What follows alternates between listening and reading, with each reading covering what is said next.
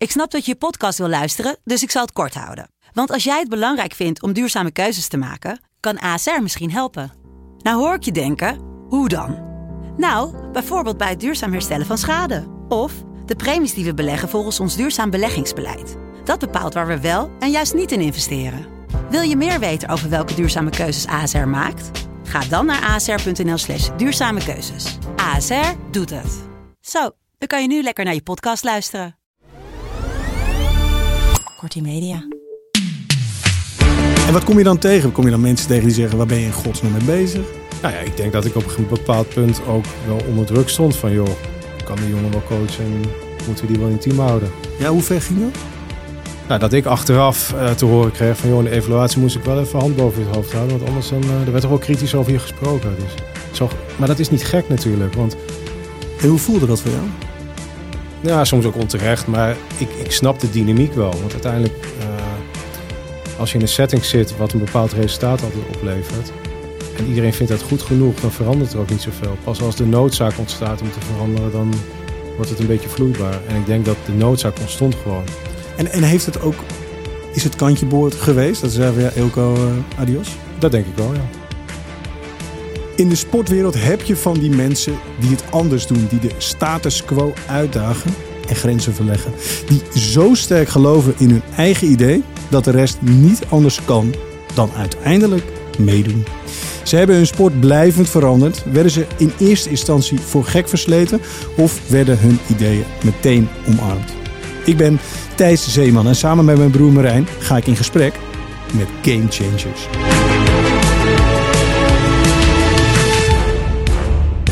Ja, Marijn, eh, de, de, inmiddels zoveelste aflevering. Maar deze aflevering gaat uh, over de roeisport. Jij wilde iemand uitnodigen um, uit de roeisport. Wie? Ja. ja, we hebben hier uh, Eelco Meenhorst. Welkom Eelco. Um, ja, een hele leuke, spannende gast. Achtergrond is eigenlijk dat in de Nederlandse sport... is uiteindelijk natuurlijk ook een, een mini-wereldje, het Nederlandse topsport... Uh, en uh, daar werd ik al uh, regelmatig gewezen op een hele interessante coach die daar werkzaam was. Jij werd gewezen op onze gast? Ja, ja. en die zei, ja, daar moet je een keer mee gaan praten. interessante, interessante man, er gebeuren mooie dingen. En roeien is natuurlijk een, um, een sport. In ieder geval denk ik voor, voor mij, maar voor veel mensen die vooral één keer in de vier jaar heel interessant is. als je er niet helemaal in zit, Olympische Spelen. Zeker. Uh, maar goed, uh, ja, weet je, dat is natuurlijk een proces van, uh, van jaren. En, wa en, wat hoorde jij? Want je zegt, ik hoorde wat en daarom nodigen we hem uit. Waar ga ik dit uur, klein uur, achterkomen? Ja, nou, daar ben ik ook benieuwd naar. Maar um, om het even kort te duiden. Ehm, ik heb ook in Amsterdam menig jaar gewoond. mijn vrouw was, was een lid bij Neerhuis, een bekende roeivereniging echt, uh, zoals ik het ken, een echte studentensport. Uh, stonden altijd al bekend als uh, mannen en vrouwen die keihard kunnen trainen. Als het eenmaal gedaan is, dan konden ze ook heel diep in het glaasje kijken.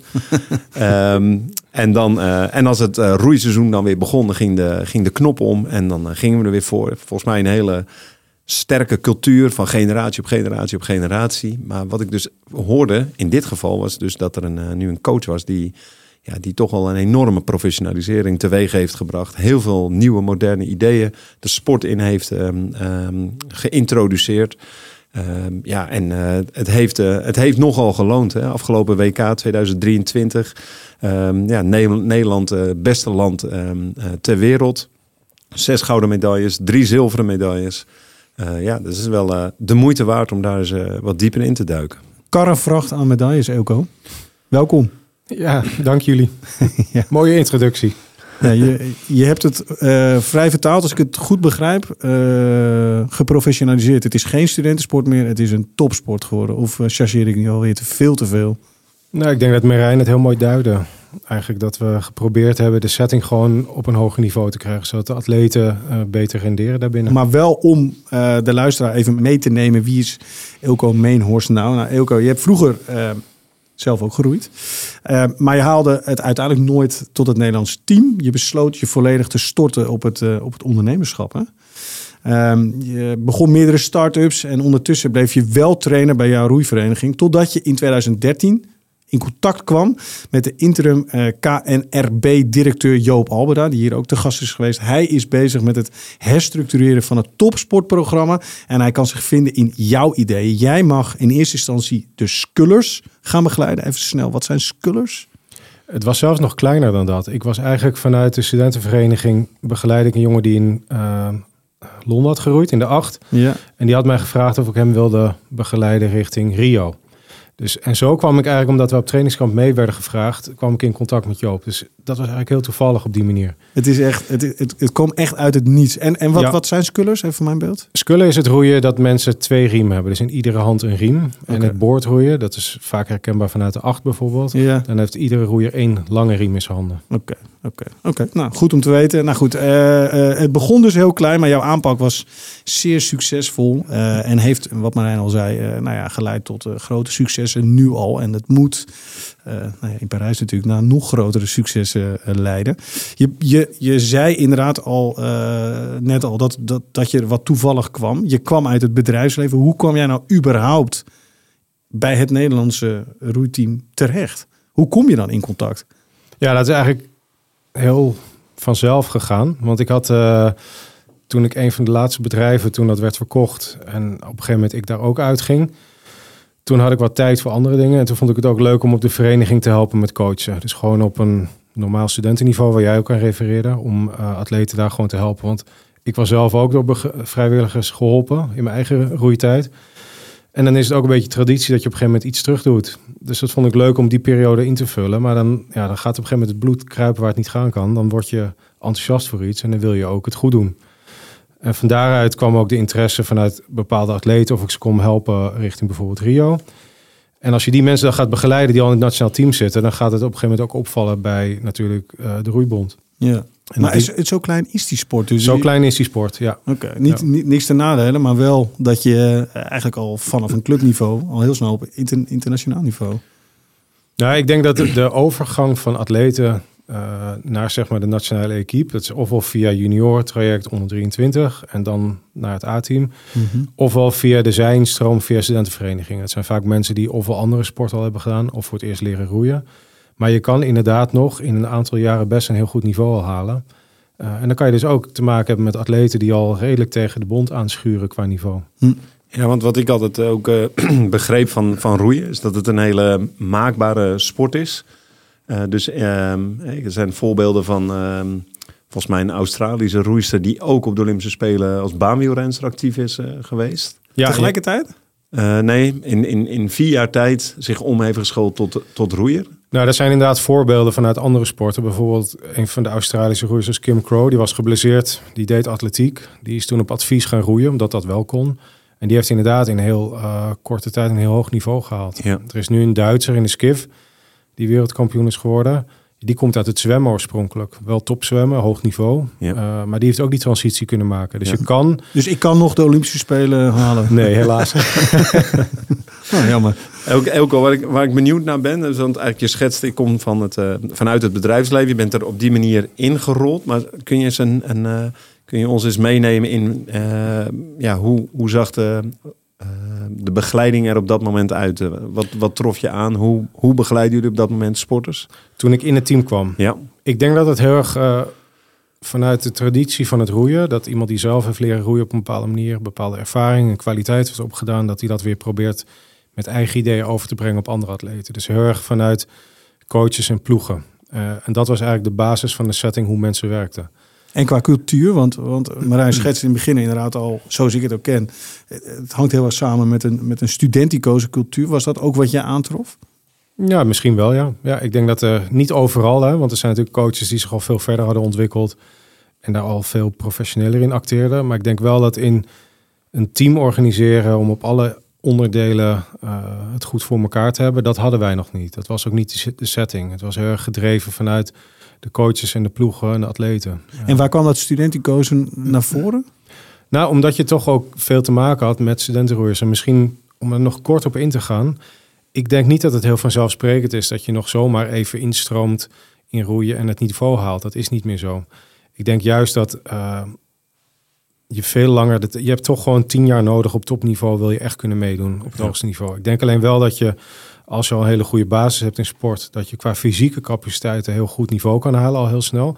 Maar de echte vaardigheden om kundig te worden in die boot heb je veel langer voor nodig. Het Dus ik technische denk, gedeelte bedoel ja, je dan dus, ook? dus Ja. ik denk dat het lijkt heel maakbaar. Dat is het ook. Maar ik denk niet dat het zomaar... Er is geen korte route. Er zijn heel weinig mensen die eh, eh, wereldkampioen worden na vier jaar roeien. Dat, dat is heel exceptioneel dat dat überhaupt al een keer is gebeurd. Ja. Even, even vanaf het begin, Marijk. Eh, we praten hier natuurlijk over een, eh, een cultuurverandering. Daar moet Eelco dan aan beginnen. Hoe doe je dat als coach? Waar begin je aan? Ja, dat, dat begint bij observeren. Eh, maar goed, als je natuurlijk uit een bepaalde cultuur komt ehm, en je daar ook mee bent opgegroeid, eh, dan heb je wel het, eh, het vermogen nodig, analytisch eh, vermogen nodig, om ook te zien van, hé, hey, maar is dit eigenlijk wel de juiste weg? Of zijn er ook andere manieren? Als je zelf opgroeit eh, in een sport eh, en langzamerhand kom je dan tot de conclusie, maar het, zou het ook anders kunnen, beter kunnen, efficiënter kunnen? Uh, dan pas kun je een cultuur gaan veranderen en een nieuwe cultuur echt gaan opbouwen. Als je even iets tastbaar moet maken, cultuur vind ik altijd zo, zo ja, een cultuur is een cultuur. Even één ding waarvan je zegt, ja, maar dat ging zo en dat moest echt anders. Iets tastbaars. Ja, ik denk dat uh, precies wat ik net zei, dat de coaches nog vanuit hun eigen ervaring en kunde het roeien nog steeds benaderden. En hoe bedoel je dat? Nou, dat je toch een heel beperkt beeld hebt van wat voor nodig is om te excelleren in een sport. Uh, en natuurlijk, er was dus heel veel kennis en kunde als het gaat om roeien inhoudelijke dingen. Alle kennis was er eigenlijk in mijn ogen. Maar over hoe wij moeten trainen en wat er allemaal voor nodig is qua uh, randvoorwaarden, qua mindset, hoe je traint met elkaar, hoe je een gezonde competitieve omgeving neerzet. Want hoe, hoe ging het eraan toe? Want kijk, ploeg en coach. En, en het was gewoon, uh, je had één groep toen de tijd bij de dames, was één hoofdcoach en die, die structureerde het team daar. En ik had het vooral met de mannenkant te maken, dus daar heb ik ook het beste zicht op. En daar was het meer uh, coach, ploeg. En die werkte heel nauw samen. En wat bedoel je daarmee dan? Dat, dat het één op één is. Dat het ja. ook echt de coaches die over alle aspecten, zowel van trainingsprogramma maken tot en met uh, of iemand geblesseerd is, rust en dat soort dingen. Voeding bijvoorbeeld ook? Ja, ja, op alle aspecten begeleid je gewoon een atleet in een ploeg. Dus één coach is verantwoordelijk, eigenlijk zeg je, voor het, voor het totale uh, palet aan dingen die nodig zijn om een topprestatie te leveren. Ja, dat was toen zeker zo. En natuurlijk hadden wij wel uh, een bondsarts en een fysio. Maar uiteindelijk was de coach gewoon heel bepalend om de selectie te doen. Om een trainingsschema te maken. Om inhoudelijk te begeleiden alle mensen. Dat werd gewoon door één iemand gedaan binnen een ploeg.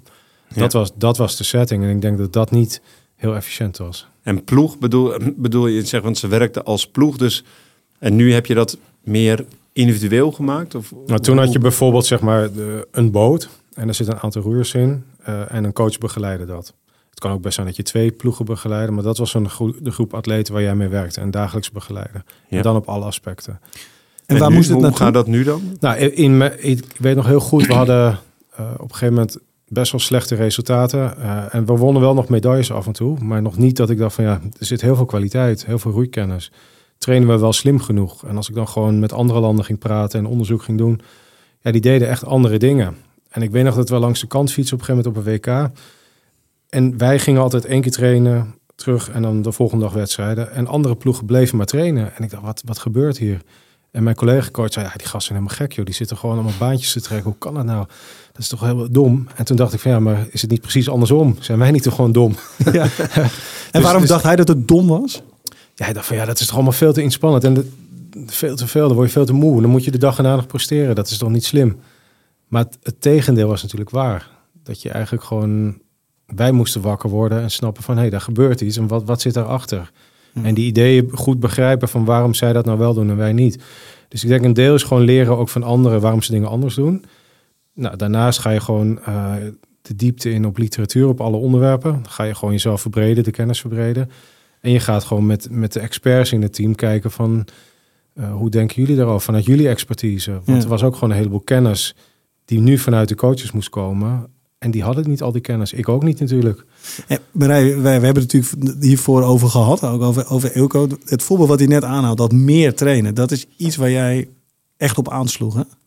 Op aanslaan. Ja, ja, ja. Nou ja, goed. Ik, ik, weet, ik denk dat je daarop op doelt. Is de, jullie taper-strategie. Ja. Dat, eh, we, hebben, we hebben het al een keer eerder over gehad. Dat, eh, Taper-strategie, ja, jongens. Dat is, ehm taper-strategie is, is eigenlijk echt, echt fit worden voor de wedstrijd. Je hebt heel hard getraind en dan dat, die laatste periode ga je, ga je rusten, herstellen.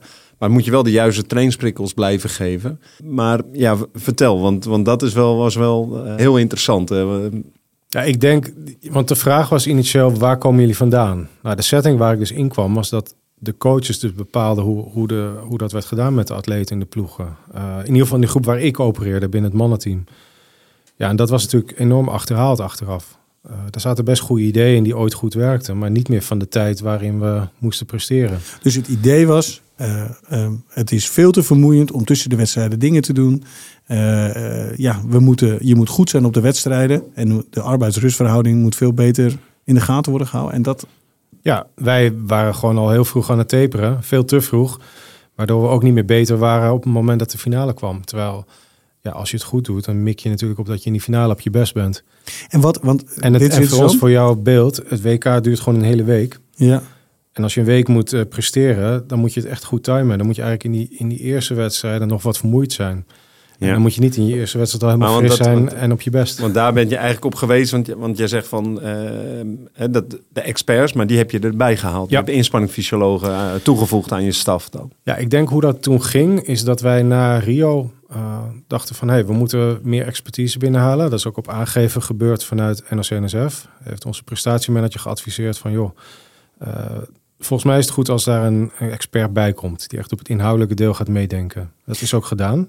Ja, Ja, wa- kwam ja. vanuit het baanwielrennen, want die was Ja. nog in Rio coach van, eh, van het baanwielrennen, Jabek Jan. Ja, ja met die- Jan Bastiaans. Ja, die is daarbij gekomen om op de inhoud echt mee te denken hoe wij ons programma vormgeven, hoe we trainen, hoe we dat doen. En wat, Eh, wat waren zijn, ehm, zijn main takeaways eh, toen jullie eh, je programma aan het, toen hij het programma analyseerde? Na het eerste jaar in 2017, dus na- eigenlijk het seizoen van 2017, naar Rio, toen eh, maakte de hoofdcoach nog het programma.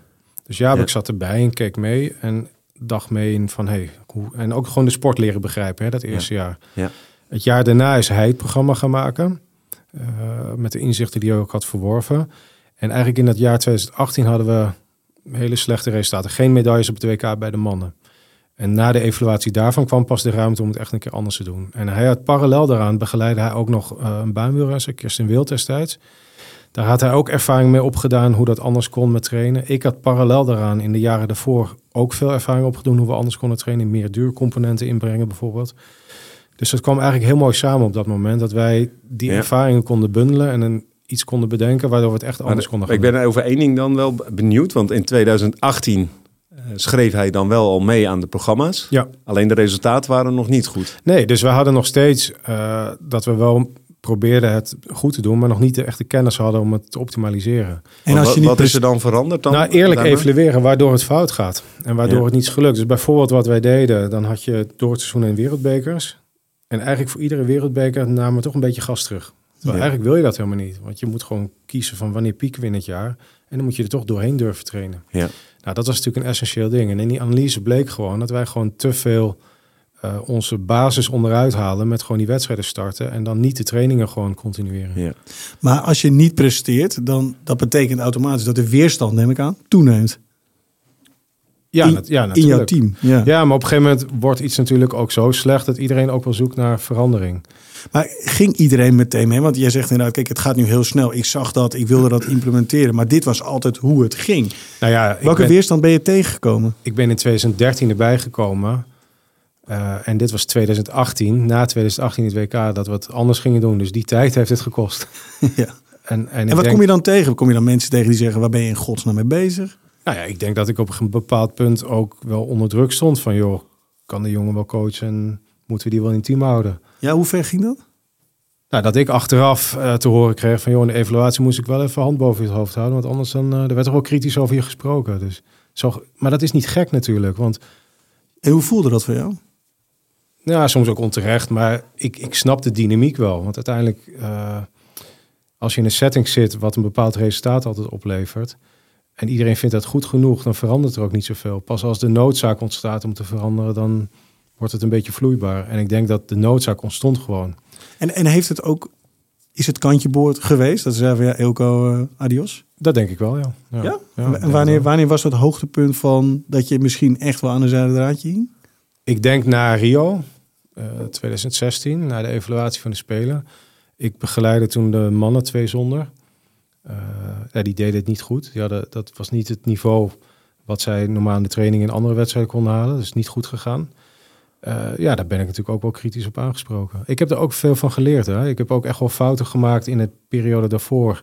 Ik heb ook veel geleerd door dingen te doen en het niet goed te doen, zeg maar. Eh, Wat ik vaak zeg over ons team, Jumbo-Visma, is... we zijn van de kelder naar de top gegaan. En een overgroot gedeelte van de begeleiding was erbij... toen we de slechtste waren van de internationale competitie. En dezelfde staf is er nu nog steeds. Maar nu zijn we het beste team ter wereld. En, en het is heel vergelijkbaar eigenlijk met wat jij zegt... dat, eh, dat we de klik is gaan maken. We gaan nu echt eerlijk evalueren. Ja. Wat je, eigenlijk wat je aangeeft na 2018... Ja. Ehm, Ik denk dat Ja. dat een hele belangrijke stap ja, was. Ik Want, denk want dat wat was nu dan echt zeg maar de trigger om te zeggen, goed, wat is dan voor jullie echt eerlijk evalueren? Hoe, hoe Ja. ziet dat er dan uit? nou, daadwerkelijk naar alle atleten kijken. Wat is het niveau van de individuen? En wat is er nou voor nodig om met die kwaliteit eh ploeg op het hoogste niveau te krijgen? Dus heel duidelijk focussen op dit is echt daadwerkelijk, die mensen hebben het niveau. Hoeveel atleten zijn er nou? Wij kwamen op een lijstje van acht atleten. Ja. En in onze strategie was de focus altijd een acht maken. Ja. Ja, en ik dacht, dat, is niet, dat rendeert niet. Want als je acht echte toppers hebt, dan kan je misschien maximaal 1-4 maken, weet je wel, die, die Ja. het niveau echt gaat halen. Ja, je bedoelt eh, de Holland 8 en de Holland 4, toch? Dat, Ja. dat je, die, die, die teams, ja. Ja, want wil jij een 8 maken die kan winnen, dan moet je toch een bepaalde competitieve setting hebben. eh, dat mensen elkaar naar een hoger niveau tillen. Ja. Ja, als je er maar acht hebt, hoe denk je dan de beste acht van de wereld te kunnen maken? Dus ik denk dat in die benadering, in die discussie, hebben we eerlijk gekeken van hoeveel atleten hebben we nou met echte kwaliteiten en wat kunnen we daarmee doen? En de conclusie was toen eigenlijk, we maken twee vier, een dubbel vier en een vier zonder. En ik kon beargumenteren op basis van de resultaten vanuit de schoolgroep die ik begeleide, dat wij dichter bij eh, kans op goud zaten dan eh, binnen het Hoe, boord. hoe bepaalde je dat dan eigenlijk? Puur door te kijken naar analyseren van hoe ver zit je af van goud. Wat is de standaard in het veld en, en welke kansen zijn er? Hoe ver zat je af van goud? Nou, wij werden toen op dat WK in 2018 met die ploeg eh, vierde. En wij zaten denk ik binnen, nou, binnen anderhalf seconde van, eh, van de winnaar. Dat was heel dicht bij elkaar allemaal. Hm. Dat is weinig. Ja, ik, ik moet altijd... Dat is vrij klein In verschil. zwemmen vinden ze dat weer. Is het, Ja, weer, een, eh, nee. is het weer een oceaan die ertussen? Bij- In het, in het, in het roeien was dat, was dat weinig. Dus je, zat er, je zat er dicht tegenaan. Ja, en het jaar daarvoor, of nee, we waren vijfde in 2018 en in 2017 waren ze vierde. En toen lagen ze driekwart van de race onverwacht op kop. Echt op koers voor een medaille. Hm. Wat niemand had verwacht. Eh, mijn collega-coaches noemden de groep waar ik mee werkte het op dat moment het afvoerputje van de Nederlandse roeien. Want die was bezig met de acht, weet je wel. Want inderdaad, even voor de luisteraar. Dit, dit, je bent nu bondscoach, maar dit was nog in de periode dat je alleen Ploegcoach was. ploegcoach van Ja. de scullers was. Ja. Van de dames en van de heren. Nee, niet de dames, alleen de mannen. Alleen de mannen, oké, Ja, oké. ja. Hoe moeilijk heeft Ilko, denk jij, het gehad eh, met het feit dat je zo bekritiseerd wordt? Dat mensen uiteindelijk misschien wel zeggen, joh, die Ilko die kan er niks van. Waar is hij doorheen gegaan? Ja, ehm, dat, dat zijn als, als coach is dat het allerlastigste. Ehm, maar goed, je, we, we praten vaak over de cirkel van invloed en waar je geen invloed op hebt. Dat zijn, he- waar vaak kritiek komt, dat zijn vaak mensen waar je geen invloed op hebt. Jij gaat andere mensen niet veranderen, maar dan is de enige stap die je dan kunt maken, is ehm, nou, dan gaan we naar onszelf kijken. Eh, nou, je hebt net ook, Elko zegt heel duidelijk, vanaf dat moment zijn we eerlijk gaan evalueren. Echt eerlijk. De benchmark bepalen. Wat is de beste van de wereld? Hoe ver zitten wij daar vandaan? Eh, en hoe gaan we dat gat eh, dichten? Ja.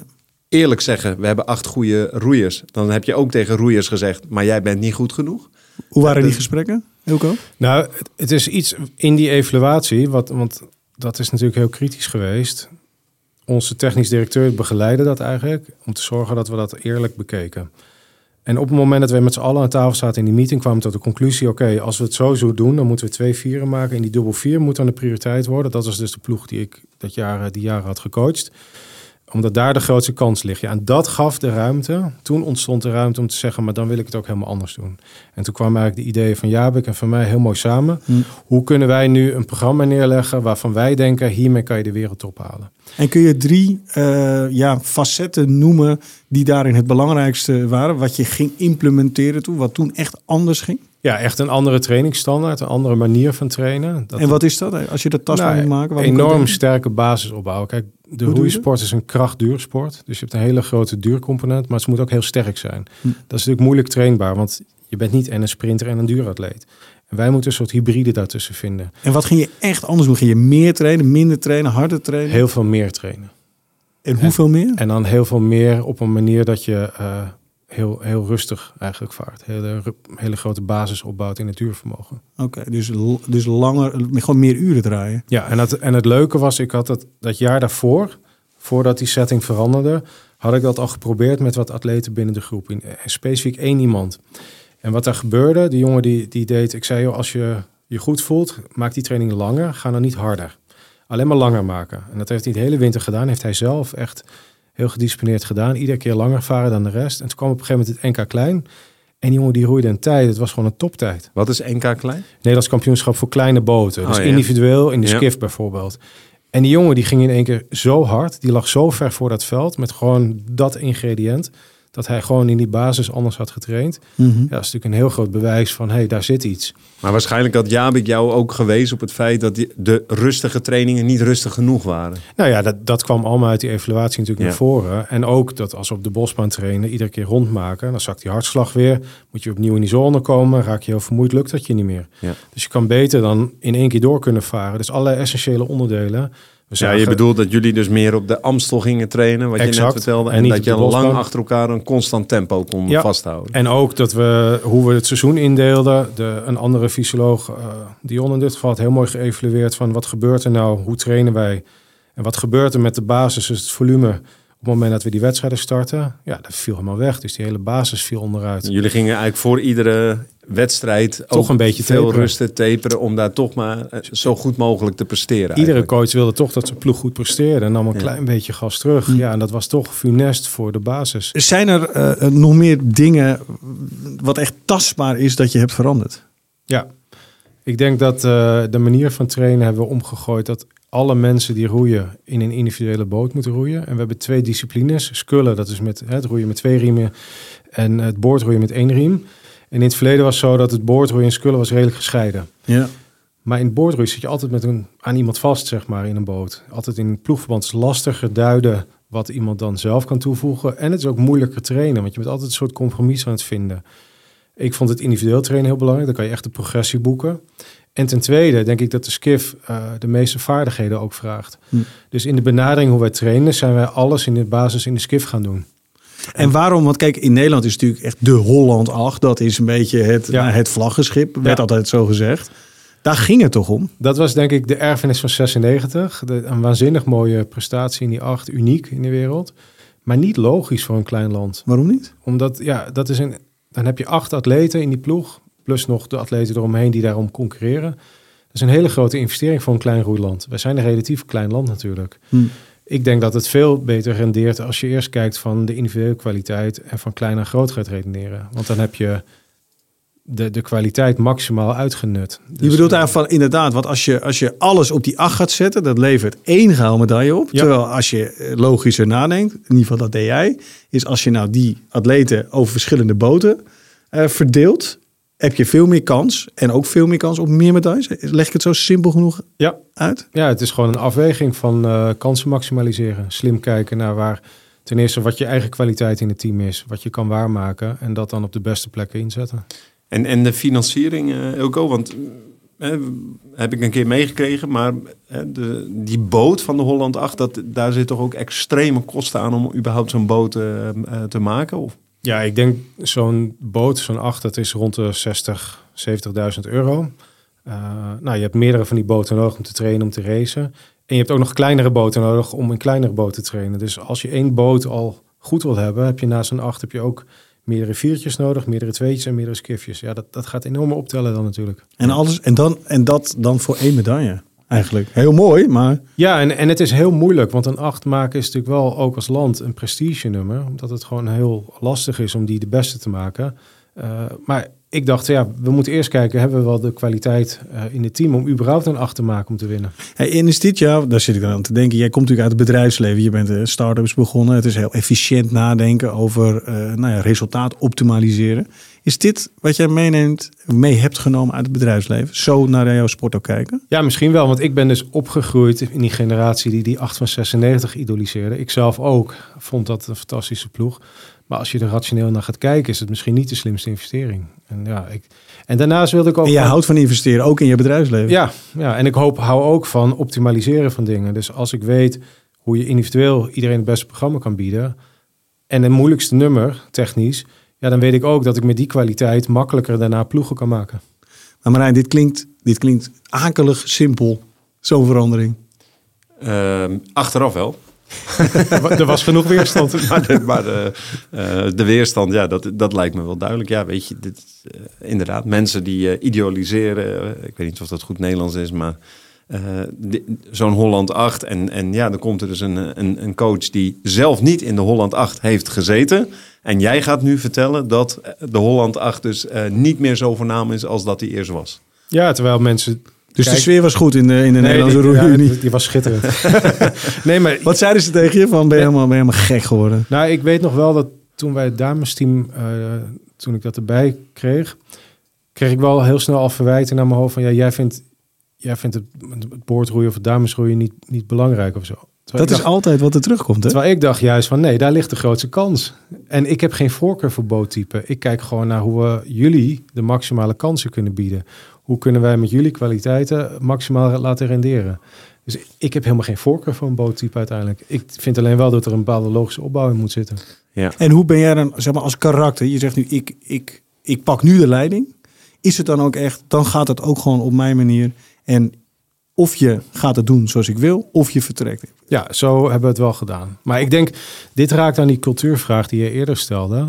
Wij, ik denk dat we het anders benaderd hebben. Wij hebben oprecht, Jabek heeft een programma gemaakt van met de kennis van ons allemaal van wat denken wij dat er voor nodig is. Mm en daar zat alle expertise in. En wat we hebben gedaan, we hebben dat gewoon voorgelegd aan onze groep atleten. Gewoon gezegd, dit is wat we denken dat nodig is. Uh, je noemt elke keer de naam Jabik. Ja, waarom? Wie Omdat, Wie, kun je even voor de... Jabik kwam uit het wielrennen als, oh, en is bij ons begonnen naar Rio als fysioloog. Precies, dus dat is de baan. Uh, ja, dus die was voor het, ja. het mannenroeiteam gekomen om te helpen in de trainingsprogramma's en, en dat verder te verbeteren. Maar dit is dus uh, voor die gasten totaal iets anders. Ja. Gingen ze daar meteen in mee? Vonden ze meteen, ja, maar dit klopt. Want uiteindelijk staan zij uren daar in die Amstel, uh, ja. zijn ze bezig. Ik neem aan dat ze hier wel vervloekt hebben. Nou, er was enorm veel sceptisch, ook bij andere coaches, maar ook bij veel atleten. Maar in de groep atleten waar wij twee jaar mee hadden gewerkt, hadden wij natuurlijk wel veel vertrouwen ontwikkeld. En die zeiden, op, wij legden gewoon het plan voor. En die jongens, die zeiden, ik weet nog heel goed dat op een gegeven moment een van die jongens zei, ik vaar wel de rustige oceaan op en ik zie wel wanneer het gaat stormen. Maar het moment dat die atleten zich committeren aan dat plan, ja, dan kunnen wij ze op moeilijke momenten doorheen helpen. Dus ik kon zeggen, oh, oké, zij committeerden zich aan, het was hun keuze. Dan is die cultuur eigenlijk al heel makkelijk. Hè? Want als iemand zij daar als groep voor gaan, dan kunnen wij ze op moeilijke momenten er doorheen helpen. En dan kun je je poot stijf houden als het een keer. Maar ik, als ze even geen zin hebben. Ik neem aan dat je wel met, met Jabik daar eh, heel veel hebt uitgelegd wat het idee was. Helemaal. Veel meer rustige duur. Helemaal. Want ja. wat was, wat was zeg maar, het allerbelangrijkste om, om die eh, trainingsvorm toe te voegen? Ja, dat aspect. Gewoon veel meer arbeid verzetten en op ja. een lage intensiteit. Ja, waardoor uh, uiteindelijk het herstel uh, beter werd. Uh, ja. en een tweede component, heel gestructureerd meten. Dus alle data die we kunnen verzamelen, dat gestructureerd verzamelen, op vaste momenten meten, kijken waar iedereen staat, hoe het programma heeft gewerkt. Zodat wat, je... wat kun je allemaal meten in het roeien? Nou, je kan natuurlijk hartslag meten. We kunnen ja. een boot instrumenteren. Kun je ook vermogen meten. Je kunt technische aspecten bekijken. Maar output kan je heel consistent op alle trainingsapparaten gewoon meten op basis van hartslag. Hm. Nou, als je een vast protocol hebt hoe je mensen beoordeelt, hoe zij zich fysiek ontwikkelen, dan kun je ja. dat ook heel goed toetsen als je dat consistent met een groep doet. En waar wij voorheen coaches iedere keer met een ploeg zelf bepaalden hoe zij trainden en afwijkten of niet van het programma, kan je heel moeilijk analyseren achteraf. Heeft dit nou gewerkt? Ja. Wat is nou, waarom waren zij wel goed en wij niet bijvoorbeeld? Wij gingen super consistent iets doen met het hele team. Ja. Enorm consistent meten. En dan vervolgens ga je gewoon patronen zien. Dan doe je iedere keer eigenlijk een soort van repetitief proef. Uh, en dan leer je heel snel of dat werkt of niet. Dus Jullie konden eigenlijk veel objectiever laten ja. zien of we, of we vooruit gingen of ja. niet. En dat was al een groot verschil ten opzichte van, van eigenlijk hoe de sport tot dan toe eh, dat deed. Klopt, dus wij Ja. gingen heel consistent meten, heel goed kijken, dat analyseren, patronen herkennen en dan gewoon eh, het programma daarop aanpassen en leren, heel snel leren. Het effect ervan was zo groot dat we in het eerste jaar al, het eerste seizoen dat we het anders deden, werd gewoon de dubbel 4 wereldkampioen. Direct. En dat is 2019. 19. En dan in 18 begin, in 2019, bam. Ja, en, en een leuk detail daarbij, dat, dat vertelde Jabek laatst zeggen, maar die zei, weet jij nog wat de voorwaarde was? We kregen de tijd tot en met het EK. En, dat- en dat was zeg maar de tijd die we hadden, de winter, tot en met de EK, om te kijken van, hey, werkt dit, deze andere aanpak? Dus we hadden ook maar heel korte tijd om dat eigenlijk te bewijzen. Want Gelukkig wie, was wie het moesten EK ook jullie allemaal goed. overtuigen dan? De technisch directeur? Ja, natuurlijk de hoofdcoach, de technisch directeur, de, Ja. de hele staf die er nog gewoon zat. Ja, Ja. En, en de, de coaches van de andere boten, die, die keken eigenlijk eh Ja, daarmee- kritisch toe. Ja, en daar, Waarschijnlijk. nou, ik- uiteindelijk gingen de, de, de, binnen de mannengroep gingen we wel dezelfde lijn voeren. Ja. Ik denk alleen dat wij in onze aanpak heel consistent, soort van rigide waren, hè, bijna. Zo van, nee, dit is nu, hier hebben we aan gecommitteerd, dit gaan we ook doen. Maar jullie waren dus eigenlijk een, een eilandje in dat, in dat Nederlandse groeiteam. Eén deel deed het dus op jouw manier. Iedereen keek daarna met een soort blik van... die mensen zijn gek, die gasten, die, eh, die, die, die, waar zijn ze in godsnaam mee bezig? En in 2019 laat je eigenlijk al meteen zien... waar zijn jullie mee bezig? Ja, en, en ik denk dat binnen de, ons mannenteam, de boordroeiers, die gingen ook eh, dat programma volgen in de basis. Eh, ik denk dat wij het iets consistenter hebben gedaan. En dat betekende dat ook de mannen acht, die won ook zilver hè, op dat WK. Dus ik denk oh, in één keer de mannengroep van geen medailles het WK daarvoor. En 2019 was een Olympisch kwalificatiejaar. Dus Mhm. het WK is nog hoger niveau. Want dan haal je je ticket voor de Spelen. En in één keer hadden we mannen dubbel vier. En dan mannen acht die goud en zilver wonnen. En we hadden volgens ook nog eens een keertje de meeste ploegen geplaatst. Dus, dus het, het, het sloeg ook meteen over. Wat ik, wat ik, eh, wat ik nog wel interessant vind, ook die, die weerstand. Kijk, jij zegt, ja, wij eh, met Jumbo-Visma was het eh, de groep die, die, die het slechtste team was, was uiteindelijk ook de groep begeleid die het beste team was. Maar ik weet dat jij avond na avond na avond met die gasten bezig bent geweest en je ook best eenzaam hebt gevoeld. Hoe ver kan dat gaan, zo'n weerstand? Eh, ja, ehm, kijk, ik zeg altijd vaak dat als je een team hebt, dan gaat ehm, eh 20% vindt verandering geweldig. Eh, er is een middengroep die ehm, kijkt welke kant waait de wind. Ehm, en er is een groep die die verandering verschrikkelijk vindt. En die eigenlijk zegt, ja, maar vroeger deden we het ook niet zo. Waarom zouden we dat doen? Eh, en, en die zijn ook vaak heel luid. Hè? En, eh, Maar trap je die er gezegd. gewoon even bot, Ja. bot gezegd, trap je die er gewoon meteen uit, zeg je jongens eh, wegwezen? Of Nou, mijn ervaring is, maar goed, ik weet niet hoe dat bij jou zit, Elko, is dat uiteindelijk is succes en vooruitgang en verbetering, dat is eigenlijk de enige manier om een verandering door te voeren. Dus die groep die wel meegaat en, en die doet het goed, ja, dan eh, verstomt vanzelf eigenlijk eh, eh, de weerstand. Maar dat is wel dus enorm risico. Want als je geen succes hebt, wat ook natuurlijk Ja, kan maar zijn. maar Hè? we hadden ook geen succes, dus, dus, Ja. dus wat dat betreft was er ook, kon het ook niet veel slechter.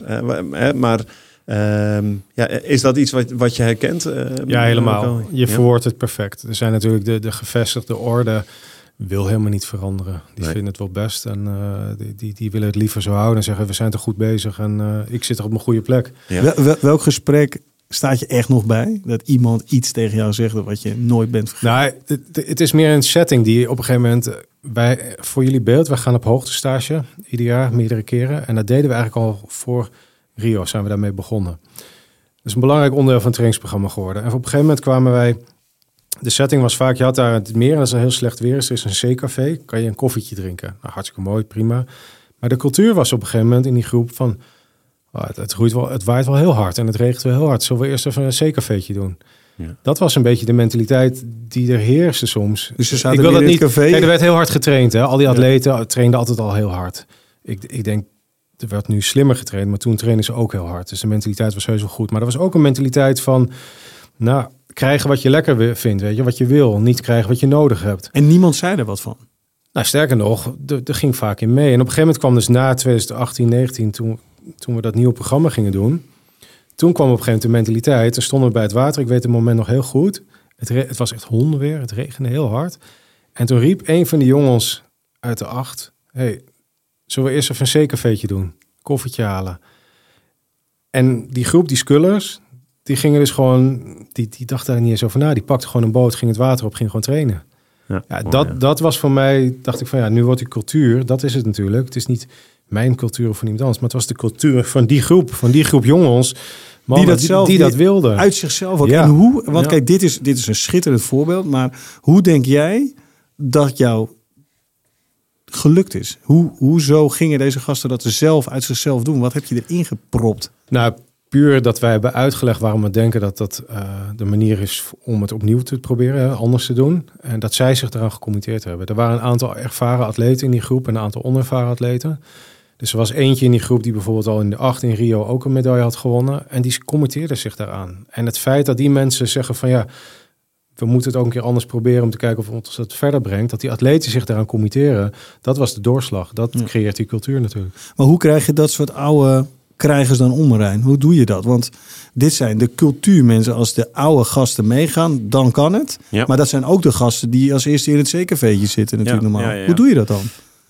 Nou ja, goed. Kijk, ehm, het belangrijkste wat je hier hoort is eigenlijk roeien, eh, fysieke sport. Ehm, we, moeten vooral eh, op innovatie zitten, maar uiteindelijk blijkt dit ook een teamsport te zijn. Hè? Dus dit zijn ook mensen bij elkaar.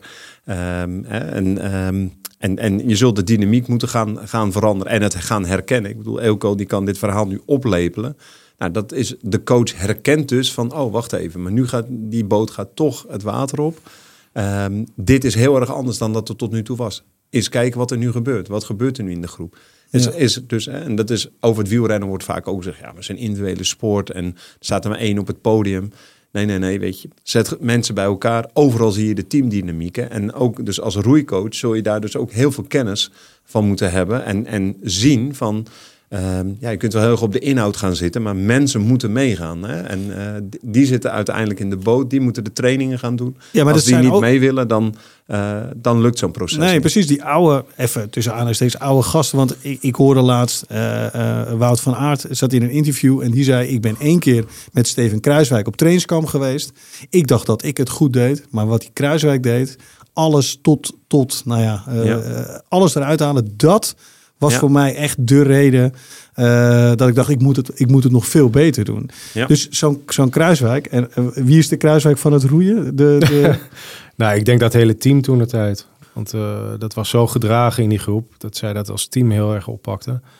Ja, dat maakt het heel sterk natuurlijk. Ja. En ik denk wat, wat leuk was, we hadden ook altijd een setting dat ploegen elkaar een beetje ontweken. Iedereen had zijn eigen ploegje, zijn eigen coach. En als je een goede atleet was, had je best wel veel invloed op je coach. Dan kon je heel veel naar je hand zetten. En wij hadden juist de mentaliteit van nee, dit is het programma voor iedereen, hebben we hier gecommitteerd. En alles wat we doen, als het hard is, is competitief. En dat gingen ze vroeger altijd uit de weg. En nu werd alles competitief gedaan. Dat werd teruggegeven, werd gemeten. Je wist precies waar je stond in de groep. Je wist precies het niveau wat je moest halen. Dus het werd ook heel eerlijk en transparant, het proces. Ja, je, wat, ik, wat ik zo hoor is dat je echt inderdaad dat je, dat je ze bij wijze van spreken in een, in een, in een kooi bracht en eh, ja, vecht maar met elkaar, maar niet, niet, niet vuil, maar meer van het was altijd gezamenlijk. We zitten in het zekerveetje en nu zitten ze in één keer gezamenlijk tegen elkaar te strijden. Je hebt gezamenlijk dezelfde uitdaging, omdat je elkaar ook beter wil maken. Want hoe beter iedereen wordt, hoe beter het ook voor jou is. Maar, En maar Marijn daar- vertelde heel Ja. mooi daar straks tegen mij naast dit gesprek van... joh, sorry, ik heb wel eens van een atleet gehad die zei van die sprinttrainingen wat jij zei... ja, ja. Dat waren grotere uitdagingen in die trainingen dan die wedstrijd uiteindelijk. En dat was de setting op een gegeven moment die die jongens hadden. Dat zij zo competitief waren onderling. Ik ga het even, wat Marijn zei inderdaad, voor, er is ook nog een leven eh, buiten deze podcast. en daar hebben jullie even met elkaar gesproken dat Marijn eh sprinter Dylan Groenewegen Ja, eh, zo opfokte in die sprinttrainingen. Dat Dylan Groenewegen op een gegeven moment tegen Marijn zei, nou zeg het zelf maar. Ja, dat hij nerveuzer was voor die trainingen dan voor, voor de wedstrijd. Dus ehm, eh, ja, dat dat een grotere uitdaging was in het proces om beter te worden dan uiteindelijk de wedstrijd zelf. Maar, maar daar hoort. eh, Hoe heb, je, hoe heb je dat gecreëerd dan? Want waarom gingen die roeiers dat omarmen eigenlijk in plaats van eh, het onder- uit de weg gaan? onderdeel van het programma inhoudelijk uitleggen was ook de filosofie. En de filosofie was gewoon de rustige training doe je rustig op je eigen tempo die bij jou past, die jou beter maken. En de intensieve trainingen, die maken we altijd competitief. Want Ja. het effect van iemand naast je hebben dwingt jou ook om onder druk te presteren en beter te worden. Gewoon vaardiger te worden in die omstandigheden. Ja, en dat hebben we heel consequent vastgehouden. Ja. Onder alle omstandigheden, onder vermoeidheid. Altijd competitieve trainingen naast elkaar en tegen elkaar. En ook doorwisselen. Ja, mooi. en uiteindelijk, Super uitdagend voor ze, maar het Ja. heeft enorm veel opgeleverd. En nu is het de cultuur die zij zelf dragen. Die Ja. ze, hè, als wij het een keertje bijvoorbeeld meer een trial vorm achter elkaar aandoen, dan krijgen wij eerder die feedback van, hey, moeten we niet naast elkaar ook? En een jonge roeier hè, die, eh, die instroomt in het, eh, in het programma. Hoe, eh ja, hoe onboorden jullie die eigenlijk? Wat, wat gebeurt er als je zo'n... Onboorden, wat is dat? Ja, dus hoe neem je die mee? Hoe laat je die kennis maken? Hoe laat je die gewoon worden, gewend raken? Ik heb ieder jaar in die periode heb ik in de trainingsgroep altijd een eh, nieuw iemand erbij gehaald. Een jong iemand die talentvol is. En dat hij gaandeweg binnen die groep leert van de rest. Want het was ook een hele sterke groep onderling. Iedere, de beste atleet zet ik dan ook met die nieuwe in de boot. Ook om van elkaar te leren. En ten tweede, als jij in de beste settings zit met de beste atleten, ja, dan, dan moet je heel snel schakelen natuurlijk. Ja. En als het team, een dat, is, dat helpt elkaar ook gewoon. Dus uiteindelijk is het, als een team in die cultuur staat, dan is het zo sterk dat het onderling ook al heel goed gaat. Dat je daar bijna als coach eh, af en toe een beetje sturen, maar je hoeft niet eens dat heel hard uit te dragen, want dat wordt, wordt door die atleten onderling al gedaan. Kijk, we zitten nu in de fase. Jij bent eh, eigenlijk nog coach van een gedeelte van het Nederlands team. Ehm, eh, we gaan nu straks praten over natuurlijk. Je, je zit hier als bondscoach van iedereen. En dat kwam eh, omdat jij in, eh, in 2020 al, eh, ja, in ieder geval dat denk ik dat dat kwam, een gigantisch succes behaalde. Jouw methode, de cultuurverandering, had meteen resultaat. Laten we even luisteren. De oranje dubbel 4 met uit de booggewaard. Wiersma, Wieten en Metsenmakers op weg naar goud. Voor het eerst in 25 jaar heeft Nederland weer een Olympisch kampioen bij de mannen. Na drie jaar beulen, dag in dag uit op de bosbaan, is dit de beloning. Onvermoeibaar, onverwoestbaar. De onverwoestbare vier wint hier goud in Tokio. Na een zenuwslopende race met een enorme misser. Even leken de wielen van de wagen te komen. Maar wat hebben ze zich herpakt? Goud. Voor het eerst sinds, wat zei ze, 25 jaar? Ja, 96 was de laatste keer eh, in Atlanta Tja. bij de mannen. Ja, dat, dat kan ik mezelf nog wel herinneren, Marijn. 96. Eh, nou, dan moet ik heel eerlijk bekennen, ik niet. Nico Rings, toch? Dat is toch Nico Rings? eh, Die zat er ook in en Ronald ook. Ik kan Oh, kan ja, hem- ja, ja, sorry. Ja, ja, nee, dan heb ik hem weer. Ik, denk wist niet, dat- dat, ik wist niet dat dat 96 eh, was. Dat hoor ik Ja. net. eh, En, Ja. en de coach waarmee ik dus dat programma, die roers begeleide eh, na 2018 en daarvoor ook al, Diederik Simon, die zat in die acht. Oké. Dat is ook leuk dat hij, hij coacht ook mee in dat team. En eh, die zat dus in die acht van 96. Dus dat was ook wel mooi voor hem. dat, het, dat het lukte. En, en hiermee, ja, weet je, de, de, Marijn zegt al, resultaten vers- doet kritiek verstommen. Eh, ja, dit, nu was voor iedereen duidelijk, Elko Meenhorst is onze man. Dat kan niet anders, toch? Nou, ik denk het team wat erachter stond. Dus ik, ik samen met Diederik, Simon en Jabik. En die waren degene die die groep begeleiden. Eh, en, en ja, uiteindelijk ligt het echte presteren altijd bij een atleet zelf, vind ik. Ja.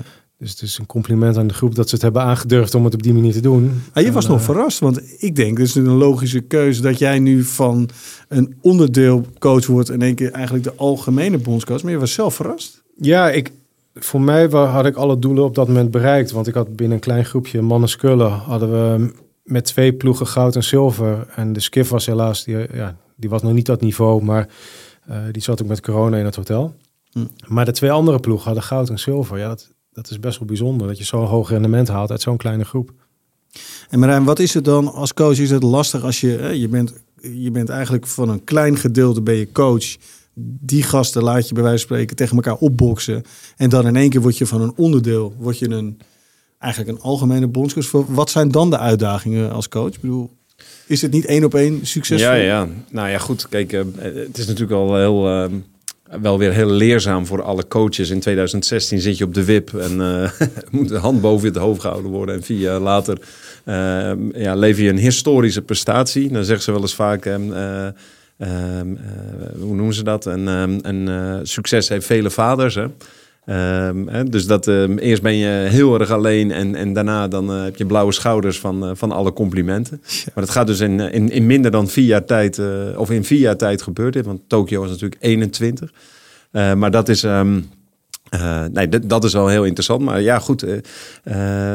ik ben benieuwd, weet je. Daarna wordt je, uiteindelijk moeten dan alle teams, alle, alle individuen, alle coaches moeten wel mee in, in de filosofie die jullie hebben opgebouwd, neem ik aan. Ja, die transitie was ook wel heel uitdagend. Want in, ik, had dus, ik was helemaal comfortabel met de prestatie die we hadden geleverd. En ik dacht, ja, dit is gewoon een heel mooi mooi iets wat we hebben bereikt. Je wilde eigenlijk stoppen.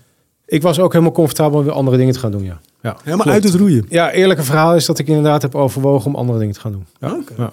Omdat ik had gewoon eh, alles waar ik voor had gewerkt en wat ik graag wilde bereiken daarmee met die groep mensen hadden we gewoon gehaald. En ik dacht, ja, als ik het nog een keer hetzelfde ga doen, dan als je jezelf niet uitdaagt, haal je ook niet het beste uit jezelf.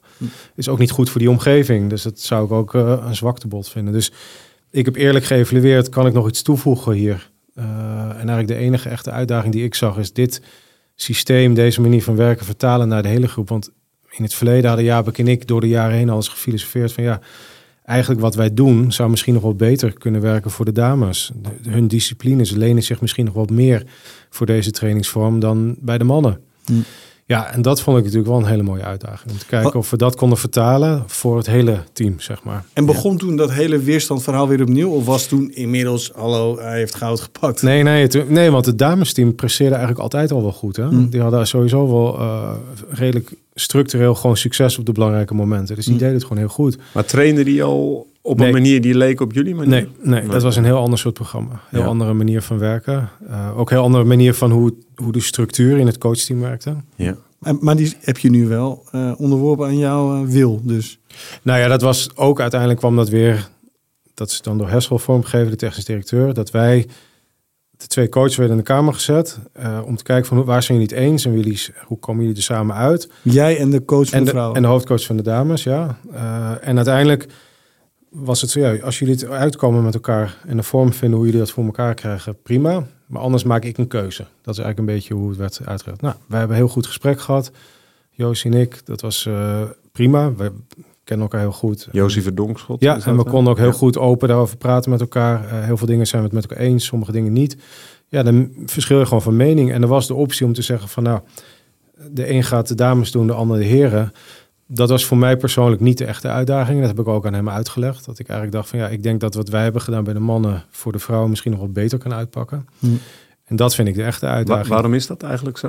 Omdat de races van de dames wat langer duren dan de mannen. Oh, ja. Eh, en die dus duren langer? Ja, ja, want het, ze gaan Gaat gewoon minder hard. snel. Ja. Ja. Ja, Oké, En, oh, en dus denk ik, de manier van trainen die we hadden ingevoerd, dat dat nog meer rendeert, omdat de duurcomponent belangrijker wordt. Dus ik dacht dat ja, de kans dat het daar nog eh, beter aanslaat is misschien nog wel groter. Hm. En dat- kon je hem overtuigen? Nee, want wij waren het daadwerkelijk oneens over de inhoud eh, van, van dat programma. Ik denk dat, dat Josie er had meer het idee van ja, dat is te zwaar en te veel. Dat, gaan, dat gaat niet goed komen. En wat is dan nu het resultaat? Want Nou, dat weet jij ook, denk ik. Volgens mij eh, bij de dames, die hebben in de vier zonder, de twee zonder eh, goud gewonnen. De skiff heeft goud gewonnen en eh, de, de dubbel vier zilver. maar met Dus- jouw aanpak of met... Met onze aanpak. Ja, Ja. Dus hij is overstag gegaan. Nee, Josie die is eh, technisch directeur bij Amerika geworden. Ja, dus overstag gegaan. Hij is gewoon weggegaan. Ja, klopt. Maar dat is echt, ja. die keuze lag gewoon bij Hessel. En, eh, Maar dit is Nee, wel... omdat, kijk, dat is ook wel. Ik vind dit wel. ehm, ehm, ik heb dit ook meegemaakt. Kijk, weet je, er zijn heel veel verschillende wegen naar Rome. Het kan heel goed zijn dat, dat, eh, dat Amerika het heel goed gaan doen. Er is in training, er is niet één manier. Nee. Er zijn heel veel verschillende manieren en daar kun je prima agree to disagree. Dat is in het, komen wij in het wielrennen ook tegen. Alle teams die trainen op een andere manier, maar er zijn ook heel veel teams succesvol. Eh, maar het, is, het gaat heel erg om waar geloof je zelf in, waar geloven uiteindelijk de sporters in. Eh, en dan maak je een keuze. En, en wat Nou, was dat is het. Het Ja. is niet dat er één waarheid is, inderdaad. Nee, en, nee. eh, maar En dat is ook als je ergens voor kiest, ik heb liever dat we kiezen en heel consistent te doen en dan heel snel leren dat het fout was. Ja. En leren en weer verbeteren, dan dat we gewoon het niet consistent doen en er eigenlijk niets van leren. Ja. Dan kom je niet vooruit. Want dit, wat, wat hier natuurlijk vind ik ook heel knap. Hè? Want eh, hier ligt heel snel een compromis op, op de loer. Hè? Want eh Jozef Donkschot is een zeer gerespecteerde coach eh, in Nederland Absoluut. in het roeien. Ook heel succesvol geweest. Ja. Ehm, eh, en ja, we willen graag iedereen behouden. Eh, we willen het ook niet persoonlijk maken. Nou, hoe kunnen we elkaar vinden? We gaan toch een klein beetje Concessies t- doen. concessies doen, toegeven. En, en uiteindelijk ja, drijf Nou, en je dan vanzelf weg van dat- je dat- filosofie. en dat is dus hier niet gebeurd. nee, Nee. dat is hier niet En gebeurd. dat is eigenlijk ook de kracht geweest van ons gesprek. Want wij waren het gewoon helemaal comfortabel dat wij het op één punt niet eens waren. Of twee punten bijvoorbeeld. En de rest wel. Dus wij hebben heel veel gemeenschappelijke ingrediënten qua filosofie. Maar in de kern verschilden we van mening. En dat was helemaal goed. Maar toch En essentieel. zijn aanpak is ook goed, weet je. Maar wat Ja. even wel, want die twee punten, je zegt ja, we waren het over heel veel eens, maar die twee punten niet. Dat was dus wel de essentiële punten voor jou. Want als je daar niet, als hij daar niet, als, als de- deze situatie niet was ontstaan, had jij er dan nog gezeten? Nou, ik moet ook eerlijk zijn. Ik heb ook gewoon uitgesproken dat voor mij de echte uitdaging is niet om dan het mannenteam alleen te doen, maar om juist de vrouwen te willen doen erbij. Ja. Dus ik heb ook wel eerlijk gezegd van ik wil het hele team doen volgens deze En anders was, jij, anders was jij opgestapt. Ja. Maar dat heb ik niet uitgesproken op dat moment, omdat dat is niet hoe ik het wilde doen. Nee, want dat maakt de discussie ongezond. Precies, ik wil het. Het was een eerlijke en gezonde discussie verder. Ik vind dit wel een, mooi moment om ook eh, voeding, want waarom, eh, ja, Ja, ik kijk, zal dat even in, inleiden waarom ik denk dat dat eh, volgens mij, tenminste, maar ga daar vooral, eh, geef daar vooral je mening over, Elko. Maar ik kan me voorstellen dat als je volume verhoogt, trainingsuren gaan omhoog, eh, dan, dan kom je al heel snel ook op het gedeelte van energiebalans. Ehm, was, was dat een aanleiding om ook echt met, met voeding aan de slag te gaan? Ja, en dat is er een beetje achteraan komen eilen. Dat Ja. hadden we in het eerste jaar nog niet eens, dat we daar al heel erg mee bezig waren. Want we waren bezig met een nieuw programma invoeren. Maar gaandeweg, doordat we meer experts erbij haalden, kwamen er ook andere eh, kennis kwam er weer verder binnen. Dus alle aspecten werden steeds belangrijker. Eerst hadden we de suppletie rondom wedstrijden die we op orde willen hebben. Vervolgens Wat is we- dus simpelweg, als jij wil pieken en goed wil presteren, eh, dan wil je zorgen dat je ook goed voorbereid bent. Dat je, dat, dus je kan bijvoorbeeld eh, cafeïne, als je dat neemt, dat is een onderdeel wat veel atleten gebruiken bij, voor een prestatie bijvoorbeeld. Hm. Ja, ik heb nooit tegen iemand gezegd dat hij dat moest doen, maar ik merkte dat heel veel atleten dat die dingen deden op hun eigen manier. Dus ik heb uitgelegd van oké, laten we één keer uitzoeken wat er allemaal is, wat goed werkt, wat niet. En dan geven we een goed advies over hoe je dat op een eh, goede manier kan toepassen. Mhm. Dat het je helpt en, en, en ook in je herstel en je hele prestatie.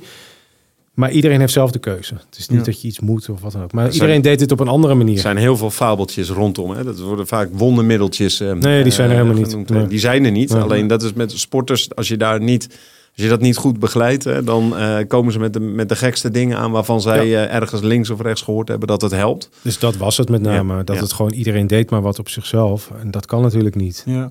Wat is de nieuwe filosofie nou rondom voeding wat succesvol is? Nou, dat mensen tijdens hun training al de juiste voeding en eh, dingen tot zich nemen, zodat ze al herstellen. En de tweede training op de dag op hogere kwaliteit kunnen invullen. En Dat is dat meer eten, minder eten, vetter eten, minder vet eten? Nou ja, dat, dat is inhoudelijk per persoon een beetje verschillend. Maar ze moeten een bepaalde hoeveelheid eh, eiwitten krijgen, koolhydraten krijgen. Heel koolhydraten gedreven als je een duurprogramma gaat doen. Eh, maar daarnaast, vooral timing. Als je in die boot zit, dat je dan al begint met de dingen nemen, dat je goed herstelt. Dus je moet ook een goede partner hebben voor de juiste producten. Dus als je je koolhydraten wil, wil binnenkrijgen, moet je wel de juiste producten daarvoor Jullie hebben. namen nu een bidonnetje jelletjes mee op de boot, bedoel je dat? Er waren zelfs Ja. mensen die hadden gewoon een bidonnetje water. En die namen één slokje aan het, aan, eh, na 20 kilometer roeien en draaiden om en gingen weer terug. Ja, Ja. Dan ben je niet bezig met herstellen en sterker worden. Dan ben je al bezig die training Want uitvoeren. hoe, deden jullie de dat nu dan? Dus je, je, je stopt heel even de training, Ja. je neemt een paar slokken, je neemt Ja. een jelletje. Ja. En dat timden jullie, jij gaf aan, of de voedingsdeskundige Nee, gaf aan dat- hoe vaak je dat moest doen. Dat zijn echt onze embedded scientists die daarop zitten. Die dat hele protocol uitwerken voor de atleet. Ze erin begeleiden. Dat ze de juiste hoeveelheid koolhydraten binnenkrijgen bij trainingen. Dat ze goed herstellen voor de volgende training. Want hoeveel gram koolhydraten nemen ze nu bijvoorbeeld? Ik weet het niet uit mijn hoofd. Maar het, volgens mij zijn het dezelfde uh, waarden die jullie ook gebruiken. Want hoe lang duurt een roeitraining? Een duur roeitraining?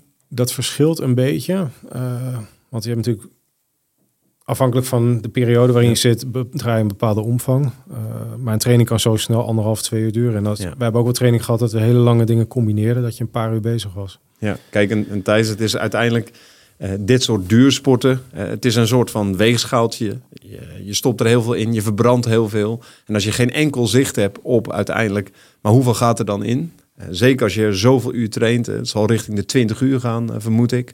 Uh, zeker. Ja, uh, nou dan kun je heel snel een negatieve energiebalans uh, krijgen. En wat, en wat dan? En een negatieve energiebalans, dan ga je eigenlijk gewoon je reserves opeten, je trainingen worden minder effectief. En, dan, en kom je dus nooit in vorm? Uh, nou ja, goed. Nou, je wordt niet ja. beter. Je, het, is, het is roofbouw. Je wordt heel erg vermoeid. Uh, maar jullie zijn daar in, in roei, wereldroeiland, zijn jullie daar uh, innovatief en uh, lopen jullie voorop? Nou, in ieder geval in Nederland hebben we het veranderd. Ja. Ik weet niet exact wat andere landen doen, maar ik weet wel... Ik heb natuurlijk wel mijn huiswerk destijds gedaan, al in 2014 en 2015. Wat doen andere landen nou? En dan, vraag je, dan praat je met toppers van vroeger. Ja, en het is interessant dat je patronen gaat herkennen. Want Ja. veel van de kennis van duurtrainen is natuurlijk ook vanuit Oost-Duitsland gekomen. Ja. Er zijn ook veel mensen vanuit die tijd die best wel relevante kennis nog kunnen bieden. Ja. Ja. En dat betekent eigenlijk dat jullie een voorsprong hebben genomen. En die voorsprong werd eh, tijdens het... Dat is een van de redenen natuurlijk dat je hier bent, het WK in 2023 in Belgrado. Ja, laatste Laten WK. we- laatste WK, nou ja, een, een, een stortvloed aan medailles. Laten we even één eh, ehm, eh, race eruit halen. De dubbel 2 bij de mannen. Nog 30 halen voor deze jongens en ze hebben gewoon 20 meter voorsprong. Dit, dit kan niet meer mis. Nederland, beste ploeg, de sterkste roeiers, imponeren hier in Belgrado. Voor de tweede keer in de geschiedenis een Nederlandse wereldkampioen in de dubbel 2. 32 jaar geleden een boot met Nico Rings. Nu zijn dit namen die richting de Spelen echt gaan klinken. Wat een duo. Twee jaar na het missen van Olympisch goud op een fractie van een seconde. Nu een gouden toekomst. Hier afgetrapt met een wereldtitel in Belgrado. Nederland wereldkampioen. Ja, een, een gouden toekomst wordt ze eh, eh, nou ja, beloofd eigenlijk. Of in ieder geval eh, wordt, wordt verwacht. Ja, tot slot. eh, dit is 2023. Het draait natuurlijk allemaal om 2024. Parijs. Nou, voor mij draait het ook altijd om een WK. Dat is voor ons een piekmoment in het jaar, het belangrijkste moment. En eh, wat zij daar deden, dat is voor mij even waardevol als straks op de Spelen. Ik, ik wil het niet de Spelen opeens dan... Ik snap dat het belangrijker is voor iedereen. Maar het niveau wat die ploegen daar haalden afgelopen WK, ja, dat was wel echt heel bijzonder. Gaan jullie weer, dat is natuurlijk een beetje gewetensvraag. gaan jullie weer zo imponeren? Is de, is de voorsprong die jullie hebben gepakt, hebben jullie dat uitgebouwd? Dat hangt ook af van hoe andere landen het gaan doen. Maar ik denk dat wij moeten proberen om te kijken of we alle ploegen net weer op een hoog niveau krijgen. En dan zullen we zien wat het waard is. ja, veilig hè? Hij durft toch niet te zeggen. Nee, nee, nee. Maar eh, ja, weet je, jij eh, stelt nu weer zo'n typische journalistenvraag. Oh, hè, oké, maar eh, dat mag ook. Eh, maar kijk, het enige waar Elko, ehm, eh, wat, wat ik hem hoor zeggen, en dat herken ik heel goed. Als je eenmaal aan de top staat, ja, concentreer je op, op zelf beter worden. En dan, eh, dan zie je volgend jaar wel waar, waar het goed eh, voor is. Hè. Maar ehm, ja, beter worden, dat is eh, jullie enige opdracht. Ja, en daar hebben we wel invloed op. En op wat andere landen doen en kunnen niet. Ik moet zeggen dat roeien is voor mij ook echt zo'n Olympische spelersport. Daar kijk ik echt naar uit. Ik zie het te weinig. Hoewel ik dus, dat is ook de reden dat, wij, eh, dat je heel snel op onze lijst stond. Dat van, hé, hey, daar in dat, in dat roeien, daar is iets bizars gebeurd. En dat, nou ja, in deze podcast is, hebben we volgens mij, het is altijd een fractie natuurlijk, maar volgens mij zijn we, ik weet in ieder geval meer waar het succes vandaan komt. Marijn. Ja, ik denk dat het leuke van deze podcast is, tenminste dat vinden wij, is dat we hebben natuurlijk ook heel veel eh, bekende, eh, iconische coaches al eh, gehad. Uh, Ilko is veel meer eigenlijk van het nu. Uh, en ik denk dat, dat je nu de, de aandacht hebt uh, gekregen die je verdient. Want uh, je hebt een geweldige, geweldig verhaal, geweldig proces doorgemaakt. Ook nu weer duidelijk, uh, hè, 2016, nou, nou, nou. Uh, misschien had je hier bij wijze van spreken niet gezeten. Voor mij geldt precies hetzelfde. Als wij niet beet waren geworden, dan had ik deze podcast niet eens gemaakt. Of er had niemand naar geluisterd.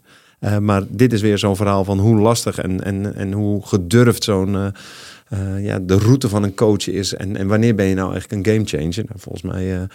is Elko overduidelijk een gamechanger binnen zijn sport.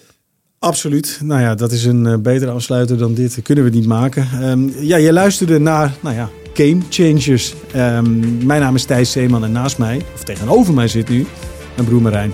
Um, abonneer je op onze podcast en je favoriete app. Dan krijg je een melding bij een nieuwe aflevering. Tips kunnen naar gamechangers.kortimedia.nl Dank voor het luisteren en graag tot volgende week.